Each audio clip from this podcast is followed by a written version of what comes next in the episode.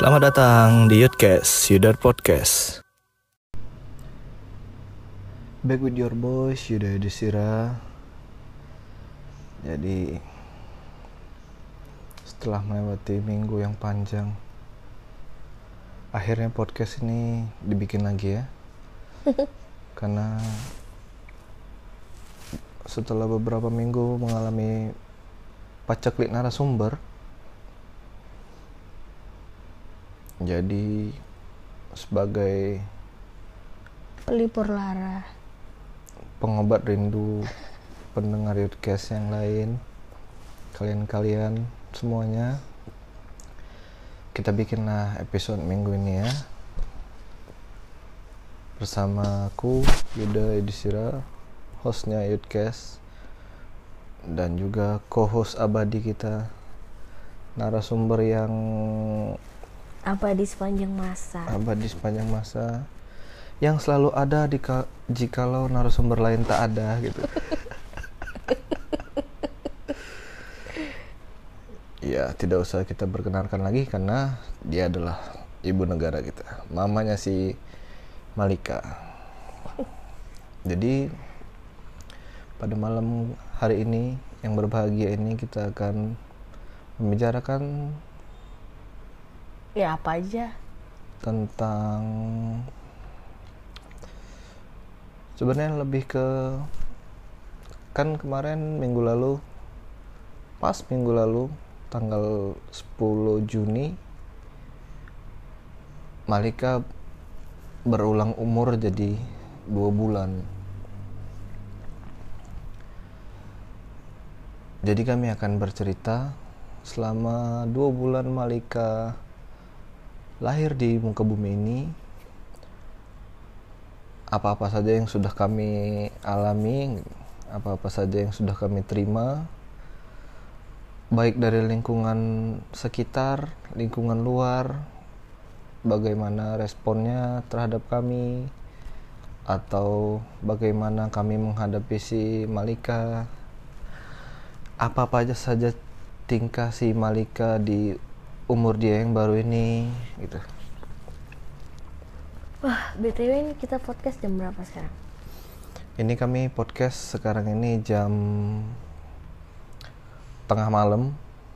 Jam 15 lewat 10 eh. 15 sorry sorry. ngantuk ya, Pak? terbalik. Jam 10 lewat 15 bukan jam 15 lewat 10 itu siang-siang. Eh sore-sore di atas tempat tidur. Di atas tempat tidur. Bertiga. Bertiga. Sambil elus kepala botak supaya jangan bangun. Hmm. jadi teman-teman harus menghargai perjuangan kami. Untuk menghadirkan episode ini di minggu ini kami harus menidurkan Malika terlebih dahulu membuat dia tenang tidak terkejut dengan suara-suara uh, bicaraan mama bapaknya? Bukan itu aja. Buat Malika terlelap itu payah. Hmm.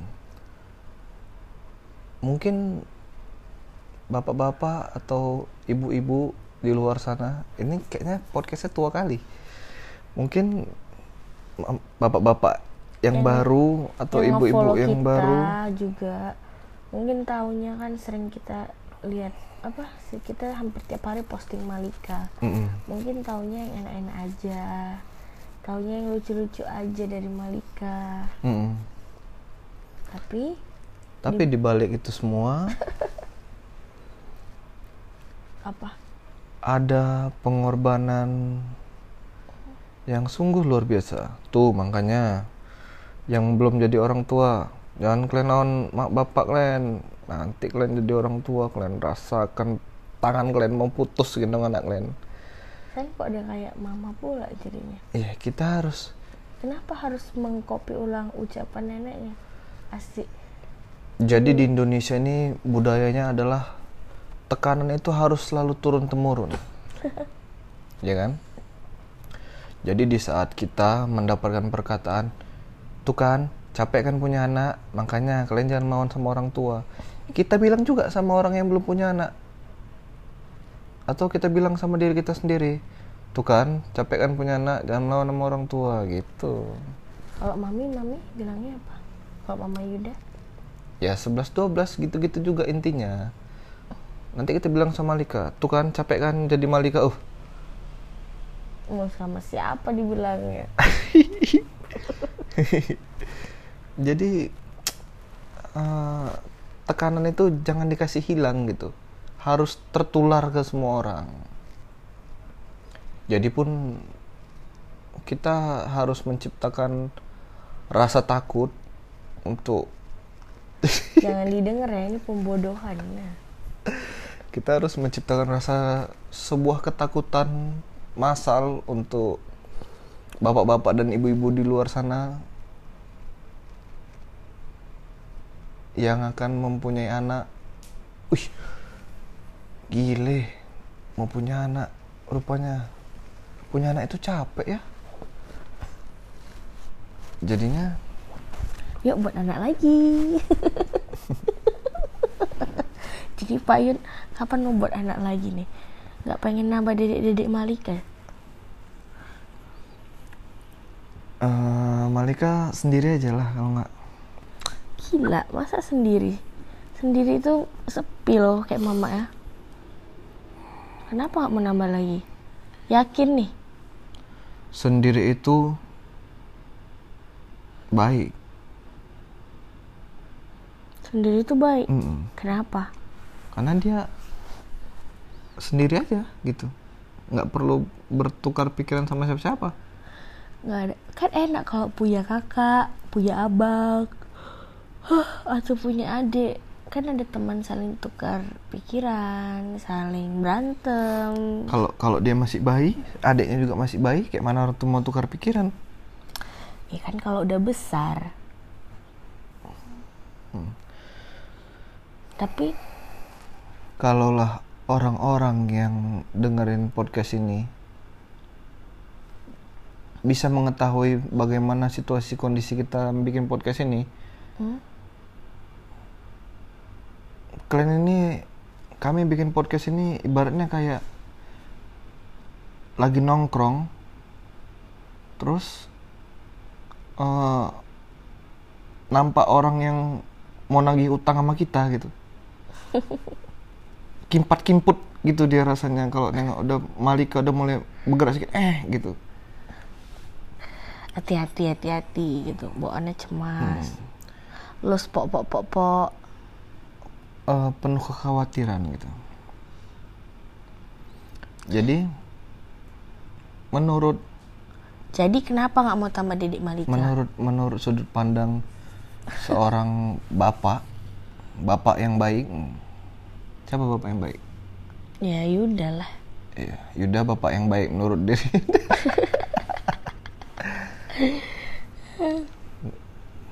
Iya, tambahlah adik Malika satu atau Tadi dua satu. atau tiga Tadi pun nggak apa-apa atau empat pun nggak apa-apa. Jadi berlima orang tuh satu tim main futsal. Tapi jaraknya tuh cuman boleh dua atau tiga tahun aja. Lebih dari itu nggak boleh lagi. Kenapa? Karena Yuda nggak mau jarak dia sama adiknya nanti tuh jauh-jauh. Dekat-dekat aja jadi masih bisa besar nanti bisa satu tongkrongan gitu. Entah nongkrongnya di mana, di madrasah dia. Nongkrongnya di di pengajian. Emang Yuda sendiri sama kakak Yuda bedanya berapa tahun sih?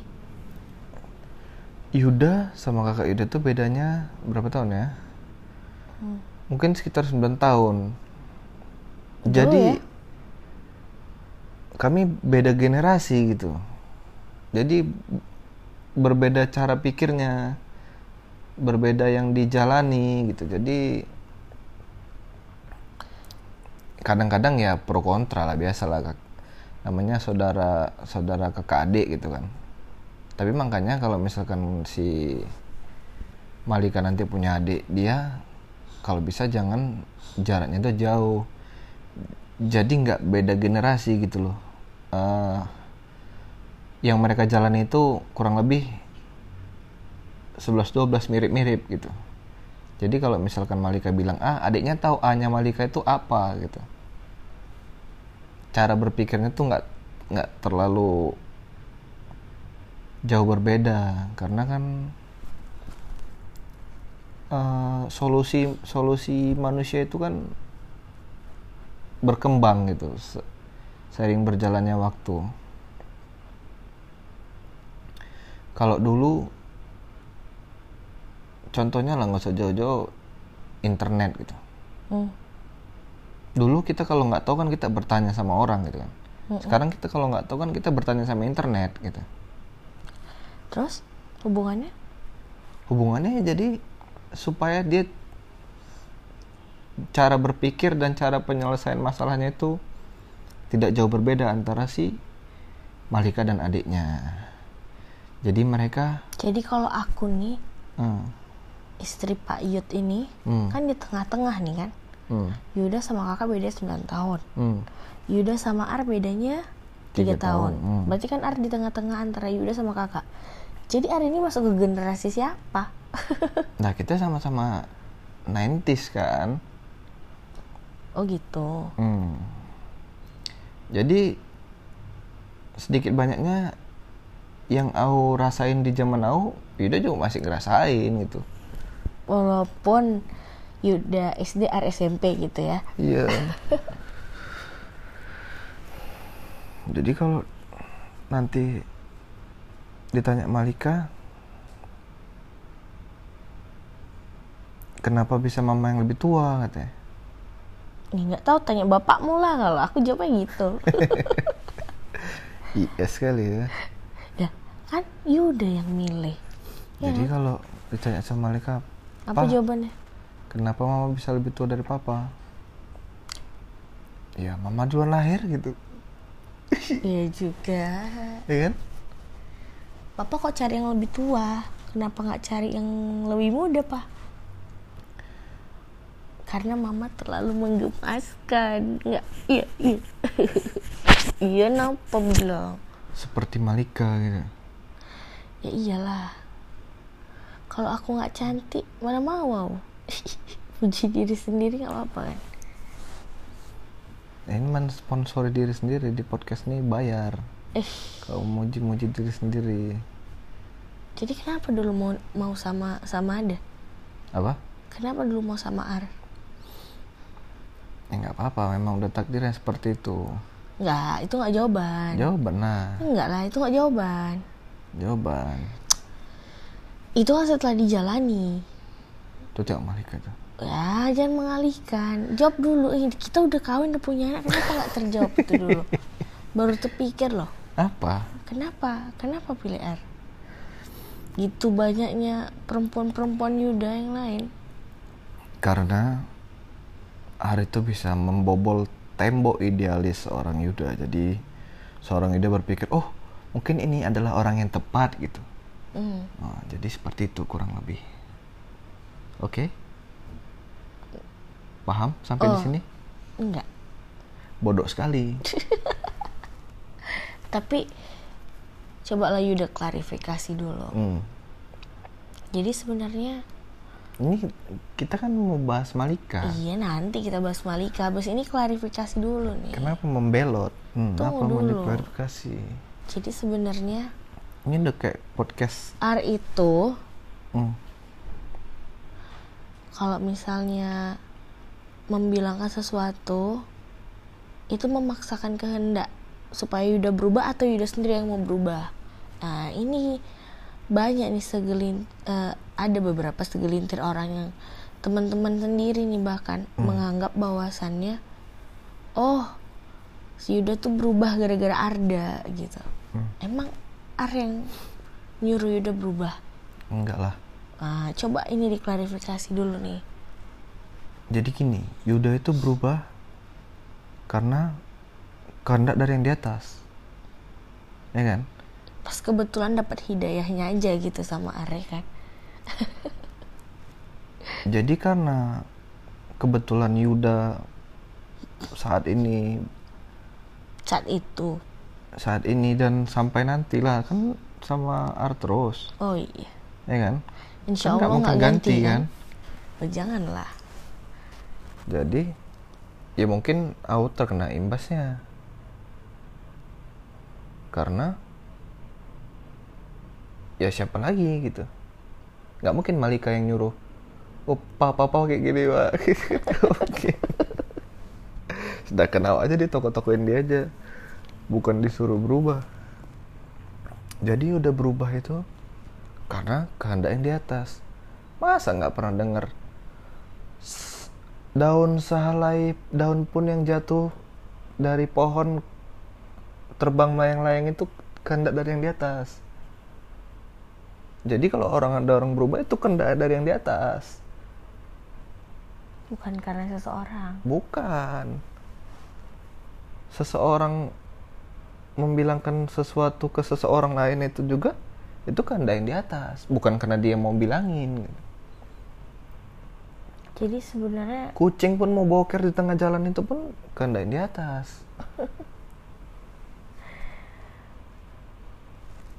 Ya tadi mau bahas apa? Mau bahas Malika? Hmm. mau bahas si botak cantik dan menggemaskan ini? Ya jadi setelah kita belok nih ngalor ngidul kita balik lagi ke topik bahasan awal kita. Apa-apa saja yang kita lalui selama dua bulan Malika keluar dari dalam perut. Yang paling nggak terduga Hmm. apa pertama? Biaya imunisasi mahal cuy. Biaya imunisasi.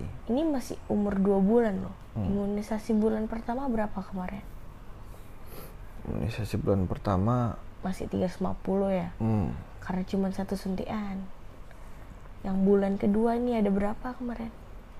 Bulan kedua ada beberapa suntikan ada sama satu ada lima ya kan? obat tetes.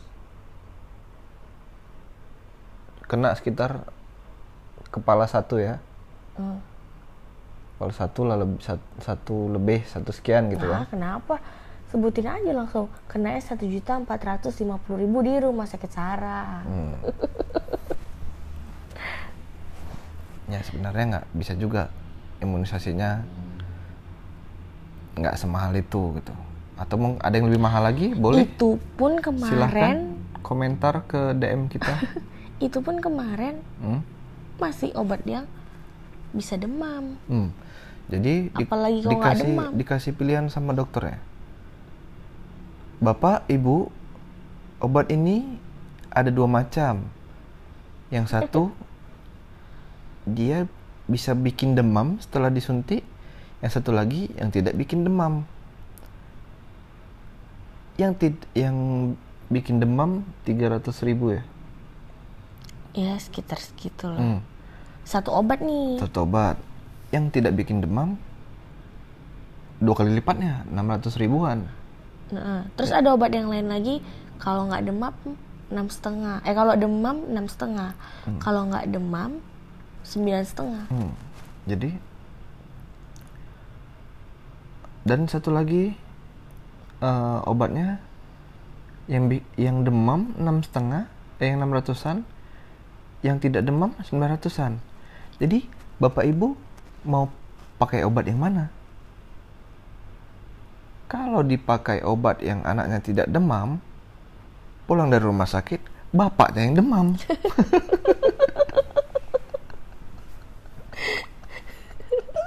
jadi pilih Jadi pilih ya yang mana ini bukan papa bukan nggak sayang sama Malika enak ya? Daripada papa demam Malika nggak bisa imunisasi lagi? Yaudah kita sepakat untuk memilih yang demam saja. Dok tapi nggak apa-apa kan dok? Nggak apa-apa. Demam itu wajar. Jadi dok dikasih resep. kapan nanti saya kasih resep untuk eh, obat demamnya kalau misalkan dia demam? Tapi sehari langsung baik ya. Tapi nggak apa-apa kok nggak perlu khawatir. Itu normal. Memang obatnya bisa bikin dia demam setelah imunisasi. Nah ini nih. Jadi dok eh, kapan kira-kira dia obatnya ini bakalan ber apa namanya? Apa sih namanya? Bereaksi gitu. Jadi kan kita kemarin imunisasi siang-siang ya. Siang-siang eh, dibilang dokternya Nanti ini sore. mungkin nanti sore udah mulai demam. Eh, udah udah mau demam kata dokternya. Oh gitu. Setengah enam udah demam. Ya udah. Jadi yang Yuda salut dari Malika dari mulai imunisasi pertama bulan pertama imunisasi bulan kedua. Dari lahir dulu udah udah imunisasi juga dari iya, nol. iya dari nol dulu kan. Tapi kan itu tidak termasuk itu kan udah di dalam paket lahiran kita. Iya. Jadi di imunisasi imunisasi pertama dan kedua Malika itu cuma nangis waktu jarum suntiknya itu masuk ke badan dia setelah jarum suntik dicabut dia berhenti nangis. Banyak banyak hal-hal yang kita anehin sih sebenarnya dari Malika. Hmm. sebenarnya anak ini bukan karena anak sendiri ya. Hmm. ini kenyataan tapi termasuk anak yang pemberani sih. Kayak misalnya disuntik. Ya dia nangis sih nangis. Cuman nangis sebatas sebentar cuman paling satu menit nangis udah. kaget gitu lah Iya. ya. Kemu- abis itu kayak misalnya dengar-dengar suara yang bising-bising lagi tidur dia cuek aja gitu masa bodoh aja gitu Hmm. terus kalau misalnya di rumah atau lagi di luar pun sekalipun lagi di luar misalnya kayak kita lagi dalam mobil ya Hmm. ada petir ada suara geluduk ya slow aja gitu nggak apa-apa nggak ada terkejut sama sekali sama sekali nggak ada tapi tapi kalau misalnya untuk sesuatu hal yang nggak penting ya. Yang nggak terduga untuk dia terkejutin kayak misalnya suara mamanya naruh gelas padahal bukan dibanting Hmm. pelan. Kletek. Bisa dia terkejut. Atau misalnya ngapain lagi? Buka pintu pintu kamar. Hmm. cuman suara sedikit aja dep gitu. Bisa dia kadang-kadang terkejut jadinya. Petir berkali-kali dia nggak ada terkejutnya sama sekali ya kan? Mak bapaknya yang terkejut. Iya mak bapaknya terkejut dia nggak terkejut. Terus udah gitu Malika tuh eh, anak yang doyan air gitu. Hmm. ini nggak tahu ya anak lain kayak gitu juga atau sebagian atau kayak mana. Tapi Malika tuh dari lahir sampai sekarang paling suka yang namanya mandi mau dia lagi sengamuk apa pun mau dia lagi nangis sekencang apa pun kalau udah tahu dia digendong mau dibawa mandi bahkan udah disiram air itu langsung berhenti langsung berhenti nangis Iya. Langsung berhenti nangis. Kayak doyan kali gitu sama air. diem di anteng gitu ya Iya, kalau nggak corona aja nih, udah mama bawa dia baby spa. Baby spa tuh yang lehernya dibakasi balon itu Iya, tuh baju renangnya udah mama beli itu belum pakai pakai sampai sekarang. baju renang umur berapa Eh, 0 sampai 3 bulan. Ada dua. Satu yang pakai tali satu, satu lagi yang tangannya ketutup. Pengen kali rasa nengok dia udah berenang. atau itu boleh dibikin sendiri di rumah apa nggak sih Boleh, ada kawan mama yang buat sendiri kok. Tinggal beli aja. Ba apa kolamnya. kolamnya kan? Sama bannya lah. Hmm. kalau nggak ya kayak mana dia mau ngapung-ngapung. Yuda pernah nengok di Instagram anak bayi itu bisa ngapung sendiri jadi kita nggak perlu beli ban. Eh nggak lah gila anak marah sama neneknya kayak gitu. Kelelep dia nanti nggak kerja. Ada ada bapak-bapak ngelatih anak anak bayi nih anak bayi ngelatih anaknya berenang gitu kan. Si anak bayi ini ditenggelamin gitu ke dalam kolam habis itu ngapung lagi sendiri. Jadi Yuda mau nyobain anak Yuda kayak gitu? Iya kayak cobalah depan mata neneknya kok berani. Nggak Yuda yang ditenggelamkan habis itu. Jadi jadi inilah kita kasih kasih tips sama yang akan menjadi orang tua atau yang udah menjadi orang tua yang baru lahir Eh, sebenarnya kita kita ngasih tips ya. Kita sharing ya kan sebagai sebagai sesama orang tua. Ngasih tips supaya anaknya tuh jangan tidurnya tuh nggak harus sepi kayak di kuburan gitu. Ngerti?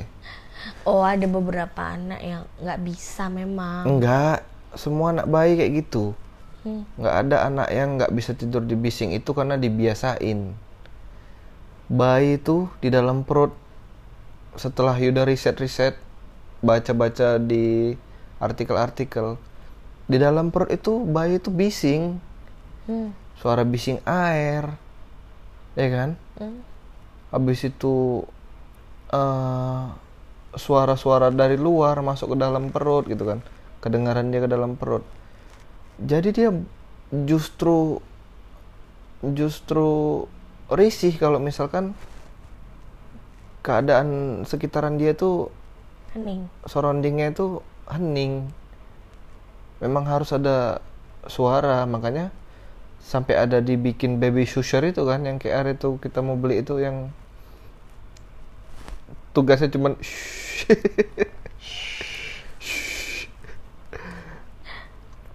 nah itu kayak misalnya ada uh, white noise gitu kayak kenapa ada video yang bilang suara hair dryer bikin Isi bayi bobo. bisa bikin bayi gampang bobo eh, eh, gitu atau suara ini kan kayak suara AC gitu kan Hmm. itu kan konstan gitu kan Shhh, gitu aja kan Iya.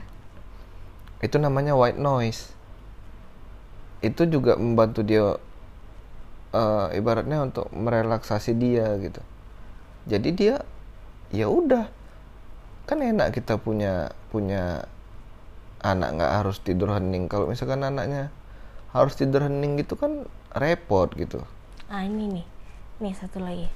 Masalah gurita. Itu dia baru lahir. Hmm gurita. Jadi kami sebagai orang tua bukan yang nggak ada nyetok gurita kita. Dua apa tiga lusin tuh udah mama beli. sebagai orang tua yang awam dan juga disuruh orang-orang tua sebelumnya. Hmm, dan disuruh oleh orang-orang tua yang zaman dulu. Jangan lupa beli guritanya. Anak bayi itu dikasih gurita gitu kan. Secara nggak sadar selama kita di rumah sakit juga kita nggak pernah ngelihat Malika dipakein gurita, gurita sama rumah sakit. Sama suster bukan rumah sakit yang pakai gurita.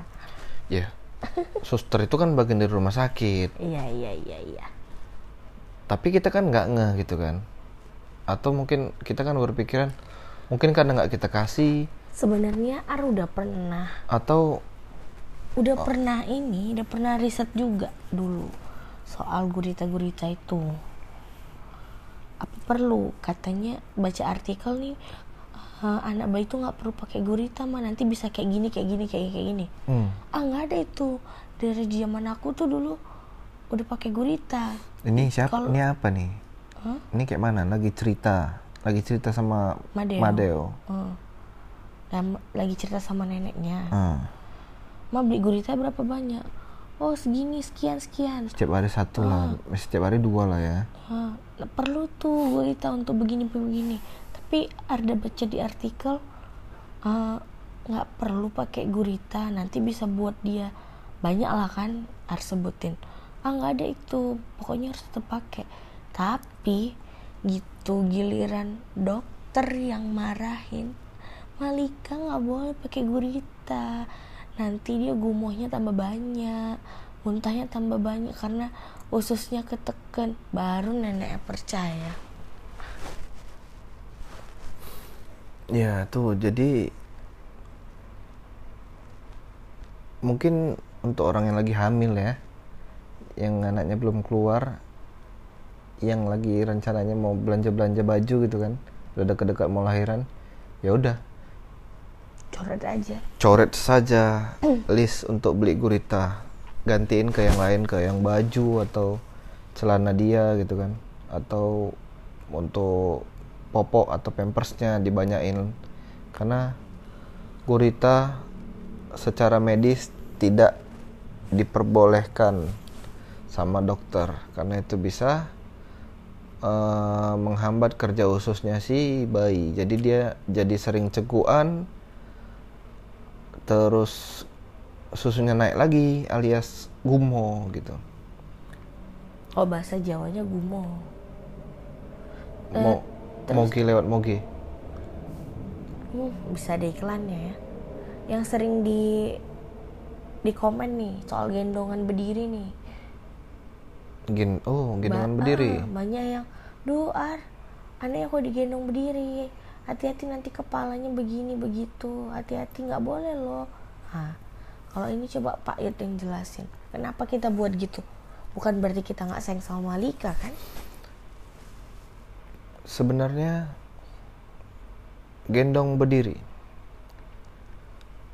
Jelasin dulu gendong berdiri itu kayak mana gendong berdiri itu maksudnya Malika bukan yang... kita gendongnya sambil berdiri ya gendongnya juga sambil berdiri kalau aku pribadi yang gendong. Karena agak susah kalau gendong duduk sambil duduk. Tapi posisi malikanya itu vertikal gitu. Uh, kepala dia itu di dekat bahu aku. Jadi aku gendongnya kayak itu nama istilah gendongannya kalau kata anak per youtuban duniawi itu heart to heart gitu. Jadi Malika ngadap ke belakang uh, punggung pantatnya atau pinggangnya disupport pakai tangan sama uh, kepalanya disupport pakai tangan yang satunya lagi. Jadi dia madep ke belakang gitu nengoknya. Gendongan itu nggak apa-apa dilakukan even untuk bayi yang baru lahir. Karena kalau misalkan bayi ini dia karakternya beda-beda gitu. Nggak hmm. semua bayi bisa disamakan. Ada bayi yang suka digendongnya horizontal, digendong di timang gitu kan. Hmm. Ada bayi yang suka digendongnya berdiri, uh, vertikal. Atau gendongan heart to heart kalau kata YouTube. atau kalau misalkan nggak pakai baju gendongan skin to skin gitu. Itu kenapa? Kenapa Malika suka digendong kayak gitu? Karena anak bayi itu dia ngerasa nyaman kalau di, ngerasa nyaman dan aman kalau digendong kayak gitu. Terus kalau misalkan si Malika mau mandi kan nggak pakai baju. Yuda juga mau mandi kan nggak pakai baju. Terus kami skin to skin gitu kan. Skin to skin itu membantu uh, mendekatkan koneksi anak sama bapak atau ibunya secara emosional. Jadi sebisa mungkin skin to skin itu kalau bisa dilakukan setiap hari. Jadi ada uh, kepercayaan yang terbangun di situ ketika dia digendong sama bapak atau mamanya. Kebetulan Malika jadi ketagihan digendong kayak gitu karena memang dia lebih suka digendong kayak gitu ketimbang digendong mereng. Lagian itu juga juga untuk ngilangin cekukan juga kan? Uh, dan dan kalau Malika digendong di timang gitu dia udah kepanjangan untuk digendong di timang gitu. Jadi dia agak gamang. Terus kalau misalkan kita anaknya si anak abis disusuin juga harus di berdiriin kayak gitu di berping kan supaya dia sendawa. Mm. kan nggak mungkin kita suruh dia sendawa tapi dia uh, apa namanya digendongnya mereng gitu. Yang Susah. ada bukan sendawa dia gumo. Kok digendong mereng? Coba lah anak bayi siap minum susu udah kenyang timang-timang terus gumo nah, ini dijamin gue masalah gen masalah cara gendong. Hmm. sama satu lagi masalah gendongan. Ingat nggak kita pernah posting pakai gendongan kain? Hmm. tapi bukan kain yang zaman dulu. Hmm. kain-kain yang agak modern. Itu namanya kalau nggak salah baby wrap ya? Ah nggak tolat tuh. Kalau istilah otonya beli aja. Hmm. jadi sebetulnya itu untuk bayi berapa bulan sih baby wrap itu kan memang udah ada memang ada ininya. Dari kan dia ada yang 3 in 1 ada yang 5 in 1 nggak ngerti lah pokoknya. Intinya dia dipakai bisa dipakai dari bayi yang baru lahir harusnya. Eh entah yang sebulan pokoknya dari bayi kecil lah. Jadi bukan yang gendongan monyet ya bukan ya bukan bukan gendongan yang gendongan monyet itu yang kan dia agak keras itu untuk bayi yang udah bisa duduk gitu. Ya udah bisa legain kepalanya. Yang udah bisa didudukkan sama yang udah bisa negak udah bisa tegakin kepalanya sendiri gitu kan. Jadi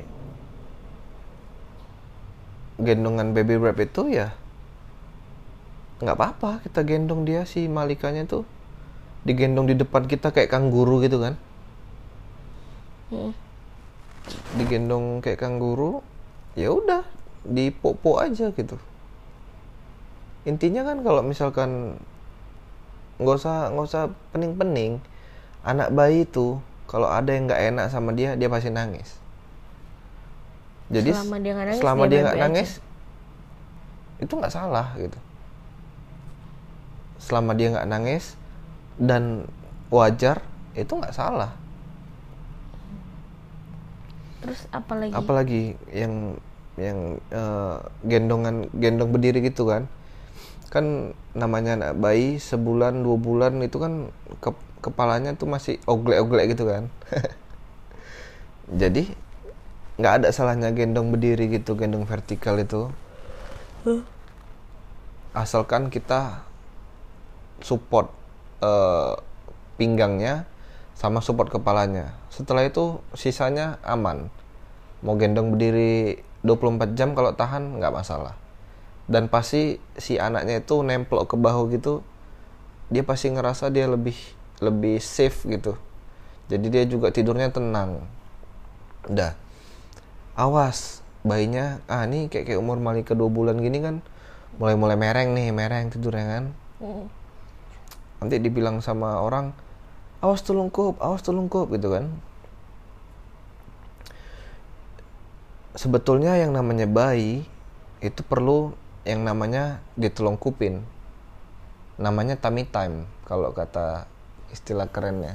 Tapi harus tetap diawasi tapi harus tetap dalam pengawasan. Misalkan dia udah kita gendong gendong vertikal gitu kayak yang dibilang pertama terus kita kita eh, ditidurin di atas badan kita gitu tapi dengan keadaan telungkup. Ya itu boleh juga. Atau misalkan eh, kita telungkupin se- secara sengaja sebentar boleh juga. Atau setelah kalau misalkan dia mau di tummy time setelah dia nyusu baiknya itu ditunggu sejam dulu setelah dia nyusu supaya nggak gumoh. Dan telungkup itu juga nggak boleh lama-lama. Dia kalau nggak salah udah itu sekitar berapa menitan aja gitu. Itu boleh kita lakukan berapa kali cuman nggak boleh lama-lama gitu. Dan tetap harus dalam pengawasan kita. Karena beberapa anak bayi ada yang ada yang ngamuk ditelungkupin ya lama-lama dia juga pasti akan terbiasa sebetulnya. Karena eh, kalau nggak salah ya bagus untuk ngelatih kepalanya supaya kuat tegak gitu Hmm. Terus apa lagi selain masalah? Oh masalah ini. Eh waktu ini sih kejadiannya waktu dia baru-baru lahir sampai sebulanan ya. Kalau sekarang udah pinter mama ya. Hmm. Masalah pakaian luntur nah itu itu masih Arla yang tahu eh, kalau tapi belum mengerti juga itu jawabannya tuh kenapa bisa kayak gitu. jadi itu mau ditanya sama siapa tuh Nah itu Gitu. nggak tahu. Bagi yang tahu coba kasih tahu komen di di apa? DM DM ADM lah nanti itu waktu dia baru lahir aku tuh pusing kali hampir tiap hari ada aja baju yang luntur lunturnya tuh selalu warna pink oh apa kecampur sama baju mamanya atau baju mama neneknya atau baju papanya Hmm. Tapi kadang loh kok masih tetap luntur juga pink? Padahal bajunya nggak ada yang pink kadang. Atau bahkan eh, bahkan tuh nyuci bajunya tuh udah sendiri gitu tapi kok luntur gitu. Apa yang buat pink? Apa yang buat pink? Jadi em, akhirnya mama pisahin lah. Oh apa karena air asi oh atau karena air pipis? Dan ternyata jawabannya karena air pipis dia. Hmm. Jadi kalau baju udah kena pipis, jadi cepet-cepet lah dicuci.